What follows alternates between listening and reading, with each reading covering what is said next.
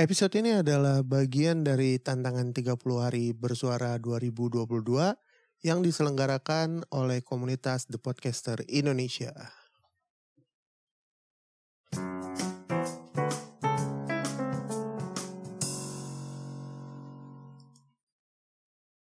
Oke, tema kali ini komunitas. Jujur, gua have no idea mau bahas komunitas itu komunitas apa, apalagi tentang film. Uh, untuk komunitas film sejujurnya gua nggak tergabung di situ karena gue penikmat yang indie, nggak indie indie banget sih, lebih ke apa lone wolf aja gitu gue sendirian dan gue uh, belum into sampai harus join ke komunitasnya. Tapi mungkin gue akan bermain, cuman gue nyari networknya dulu. nah balik ke tema komunitas. Untuk film jujur gue no idea untuk gue bahas itu apa. Tapi ada satu film, uh, nggak bukan satu film, beberapa film yang sebenarnya itu ada, adalah sequel gitu ya. Dari uh, karyanya Sylvester Stallone yaitu The Expendables seperti yang ada di judul. Kita akan bahas sequel dari The Expendables untuk episode ini.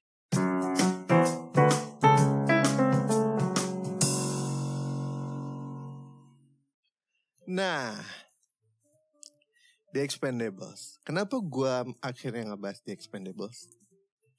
Karena film ini tuh unik bisa dibilang uh, ini adalah film yang ingin uh, dipakai untuk mengembalikan masa jaya pak para aktor action di film lawas gitu ya. no offense, uh, no hard feeling, sorry. Terus mereka secara overall berhasil untuk membuat gue tercengang untuk di The Expendable waktu 2010. Kenapa begitu? Men, nama-nama yang ada di dalam sini itu bisa dibilang nama-nama legendaris men untuk di film action. Ya sebut aja ada Sylvester Stallone, Jason Statham, Jet Li, Lundgren, Couture, Steve Austin, Stone Cold gitu ya kan. Terus Terry Crew, uh, I'm not sure Terry Crew udah setua itu. Terus ada Mickey Rourke, terus ada Bruce Willis dan beberapa nama lainnya yang nggak bisa gue sebut. Terus ada ada Arnold Schwarzenegger, men. Bayangin di film pertama, coy, nama-nama super mega bintang di aktor action gitu loh. itu baru di Expendable 1.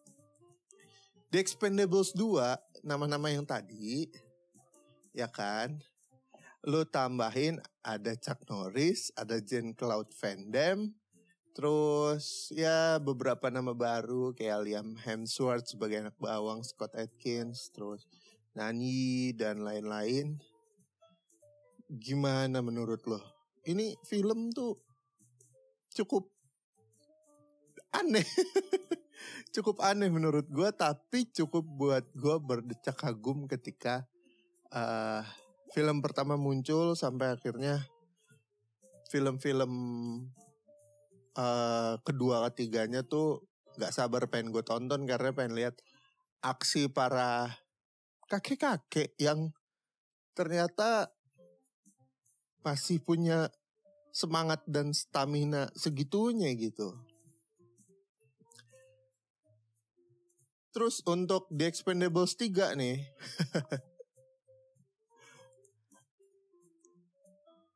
Nama-nama yang tadi gue sebut ada ditambah dengan Harrison Ford, Mel Gibson. Terus Kelsey Grammer, Antonio Banderas. Coba lu bayangin. Man, film luar biasa loh. Kalau dipikir-pikir. nah, kalau dari kacamata komunitasnya, menurut gue ini tuh kayak aktor-aktor Hollywood lawas gitu ya kan, ingin memberikan semacam uh, karya untuk comeback panggung mereka mereka diriin lagi secara mandiri dan membuat film yang lebih uh, bercondong kepada diri mereka gitu. Jadi lebih idealis. Dan secara overall mereka cukup berhasil ya untuk membuat gua menunggu-nunggu gitu loh. Film-film mereka. Meskipun memang secara cerita agak kurang greget gitu ya. Tapi secara overall uh, wajah-wajah uh, para aktor lawas ini cukup membuat kita yang nonton itu nostalgia dan berdecak kagum gitu. Ngelihat para kakek-kakek ini beraksi gitu ya kan. dan uh, lumayan banyak humor bapak-bapaknya dikemas dengan sajian yang keren gitu loh. Kayak banyak uh, memang banyak CGI, banyak bomnya juga. Tapi faktor yang membuat film ini menarik adalah ketika lo nonton lo akan cukup terhibur gitu loh. Nah ini gue bacain skor untuk The Expendables sequelnya dari 1 sampai 3 untuk yang The Expendable 1 itu ratingnya lumayan lah 6,4 tuh agak di tengah-tengah ke atas ya dengan di 2010 itu uh, gua ngeliat para kakek-kakek ini muncul gua ngerasa film ini tuh harusnya 7 gitu karena secara story cukup mudah untuk di mengerti anak SMA sampai orang tua yang mungkin mau nostalgia aja nonton ini. Terus untuk yang kedua ini skornya ada 6,6 per 10. Secara overall karena memang lebih banyak bintang dan ada Chuck Norris mungkin jadi uh, ada peningkatan ya. Tapi menurut gue tetap sama sih 7,0 untuk film ini karena aksi-aksi para orang tua ini, para kakek-kakek ini luar biasa untuk masalah apa ledakan-ledakan yang tampil di film itu cukup terasa apa ya real gitu nggak kayak yang zaman sekarang yang CGI-nya banyak banget meskipun beberapa film berhasil gitu ya tapi untuk ini masih terasa keasliannya gitu loh kayak eksekusinya tuh menggunakan teknologi zaman sekarang tapi efeknya efek zaman dulu gitu. Terus The Expendables 3 ini uh, jujur sebenarnya film paling lawak sih di antara tiga film yang tadi. Dan rating di IMDb itu cuma 6,1 dari 10. Gue juga ngerasa sebenarnya uh, ini harusnya dikasih 6 sih dibanding 6,1. Karena uh, di sini udah mulai kelihatan ya Sylvester Stallone dan krunya untuk menulis ini tuh udah cukup lelah kayak kehabisan ide. Akhirnya mereka ngebenturin aktor lawas dengan aktor baru. Meskipun um, konfliknya tuh cukup cukup apa ya cukup mudah dimengerti gitu dan karena cukup mudah dimengerti itu juga akhirnya ceritanya mudah ketebak tapi film yang ketiga ini yang tadi gue bilang cukup lawak. Lucu banget, banyak humor-humor yang seger. Apalagi ketika Antonio Banderasnya muncul. Pokoknya setiap ada Antonio Banderas itu ada humor yang nyegerin lah di antara keseriusan uh, film action ini gitu. Terus uh, keren-keren juga sih sebenarnya aktor-aktor barunya kayak ada Glenn Powell, ada Victor Ortiz, Ronda Rousey, terus Kellen Lutz, Ivan Kostadinov, yang gitu-gitu. Cuman sayangnya terasa sepi aja di Expendables 3 padahal kalau dipikir-pikir pemeran utamanya ini banyak banget.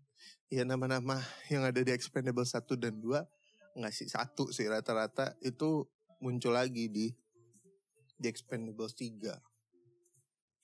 Ya intinya sih di Expendables 3 tuh ngebahas tentang konflik antara yang tua dan yang muda. Karena ini juga rilisnya di tahun 2014 mungkin memang lagi ramenya kayak gitu. Atau ya yang tadi gue bilang uh, udah kehabisan ide akhirnya agak-agak kurang gitu untuk script writingnya. Nah, seperti yang tadi gue bilang juga, Expendables 3 tuh masih menggunakan eksekusi yang kayak contoh-contoh ledakan dan aksi yang real gitu, nggak uh, nggak terlalu banyak CGI. Yang jelas membuat kita cukup berdecak kagum dan salut untuk para kakek-kakek ini beraksi, meskipun mungkin standable mereka juga kerja lebih keras gitu ya kan. Mereka-mereka ini muncul cuman ketika wajahnya di close up kurang lebih kayak gitu apalagi ya kalau ngebahas Expendables um, ya film ini sih cocok buat lo orang yang mau nostalgia terus mau uh, ngelihat aksi para orang tua orang tua yang bisa mengeksekusi adegan-adegan action yang cukup rumit dan jelimet gitu ya. Tapi ya bisa dilihat Statham kayaknya nggak ter nggak tambah tua gitu ya, nggak terkikis oleh zaman dan yang gua keki di sini uh, ngasih lihat banget tuh perbedaan anak muda dan orang tua apalagi yang berhubungan dengan gadget. ya, itu dia pembahasan komunitas. Uh, gue agak no clue nih, jadi mungkin kurang asik tapi ya udahlah ya. yang penting gue bisa tetap ngejar episode untuk 30 hari bersuara 2022. Nah yang gue tunggu sebenarnya episode-episode uh, yang ngebahas filmnya tuh udah langsung relate. Kayak contohnya cuan terus sosial media nih. Ini udah gue tunggu banget. Jadi tungguin aja episode-episode selanjutnya dari Movie Corner Indonesia untuk 30 hari bersuara 2022 and segitu aja untuk kali ini gue Irsan Manam pamit sampai jumpa ciao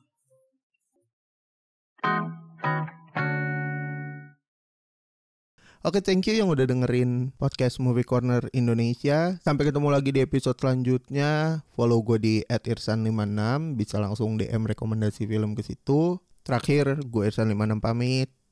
Ciao.